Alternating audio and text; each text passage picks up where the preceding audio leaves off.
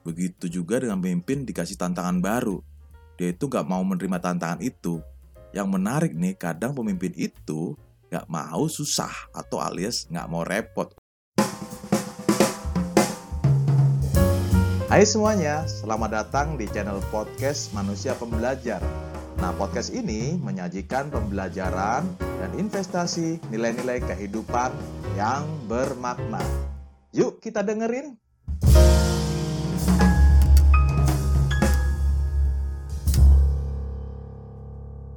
Hai guys, apa kabar hari ini?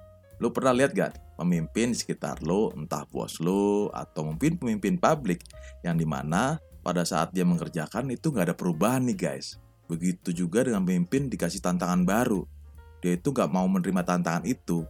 Yang menarik nih, kadang pemimpin itu gak mau susah atau alias gak mau repot untuk melakukan tantangan baru nih guys. Nah, lah pertanyaannya dia ngapain mau untuk berkembang lagi? Yang penting dia udah merasa nyaman, dan merasa nggak repot lagi lah. Toh di posisi dia sekarang, dia kan udah enak.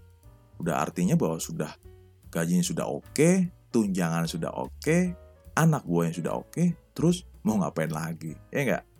Nah, padahal tantangan itu tujuannya agar, artinya apa? Agar bisa bermanfaat untuk orang banyak guys. Namun pemimpin itu terlalu memikirkan dirinya sendiri, jadinya berdampak tidak baik kepada orang sekitarnya. Nah, bisa jadi orang sekitarnya tuh bisa jadi sebel, kesel, nyinyir, ngomongin di belakang pemimpin tersebut, dan sebagainya. Nah, menurut lo nih, pernah nggak ketemu orang atau pemimpin seperti itu guys? Nah, kalau ada nih, silahkan di komen ini guys. Silahkan guys. Oke, nah, pembelajaran yang kita ambil dari hal itu, bahwa tantangan itu memang tidak mengenakan jika kita dari kacamata orang yang tidak mau berkembang. Dan itu sangatlah wajar guys. Nah terus, untuk menerima tantangan yang baru, jika ada yang orang berpikir dan bertanya nih, kira-kira bisa nggak sih? Atau bahkan ada orang yang ngomong, mau ngapain, lagian juga gue udah nyaman. Atau hal pemikiran seperti itu, sangatlah wajar guys. Namun yang menarik, bagaimana kita bisa menerima tantangan itu untuk merespon hal yang positif. Memang nggak mudah menjalankan tantangan itu, apalagi jika kita menjalankan tantangan itu terjadi kesalahan. Ya wajar lah, nama juga berproses. Nah, jika ada kesalahan, menurut gue sih, ya nggak apa-apa juga lah. Ini adalah proses pembelajaran agar berkembang lebih baik lagi. Setuju gak nih guys? Nah, bagi gue pribadi nih, walaupun menurut gue ini tantangan juga mungkin bisa merasa nggak mampu, namun gue akan jalani dulu nih, sembari terus belajar mengembangkan yang lebih baik lagi. Contoh nih, pada saat ini gue juga sedang berproses mengembangkan bisnis gue. Walaupun nih, kadang-kadang ya kalau mau lari sih tantangan bisnis ini, ya bisa sa bisa saja lari nih guys. Tapi apakah harus begitu? Bagi gue pribadi ya, hadapi saja guys. Dan jalanin aja. Mungkin orang lihat gue kurang sempurna, tapi gue cuma jawab dua kata. Bodoh amat. ya, itu artinya bahwa ya nggak apa-apa juga. Itu hak mereka untuk menilai hal itu, terutama menilai hal dari dari, dari sisi gue.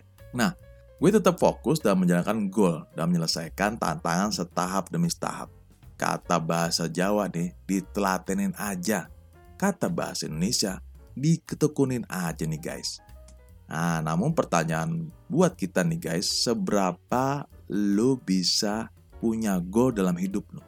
Ulang lagi, seberapa jauh lu punya goal dalam hidup lu guys. Kemudian kedua adalah bagaimana kita mencapai goal yang lu inginkan. Apa benar gak ada tantangan? Ya pastinya ada ya guys, bener nggak? Yang menarik, tantangan bisa dianggap jadi tambah seru. Lah, kok bisa seru? Kenapa demikian, Gong? Nah, karena bagi mereka yang berpikir maju, ini adalah proses untuk mencapai goal. Ini adalah tahap demi tahap untuk mencapai goal tersebut.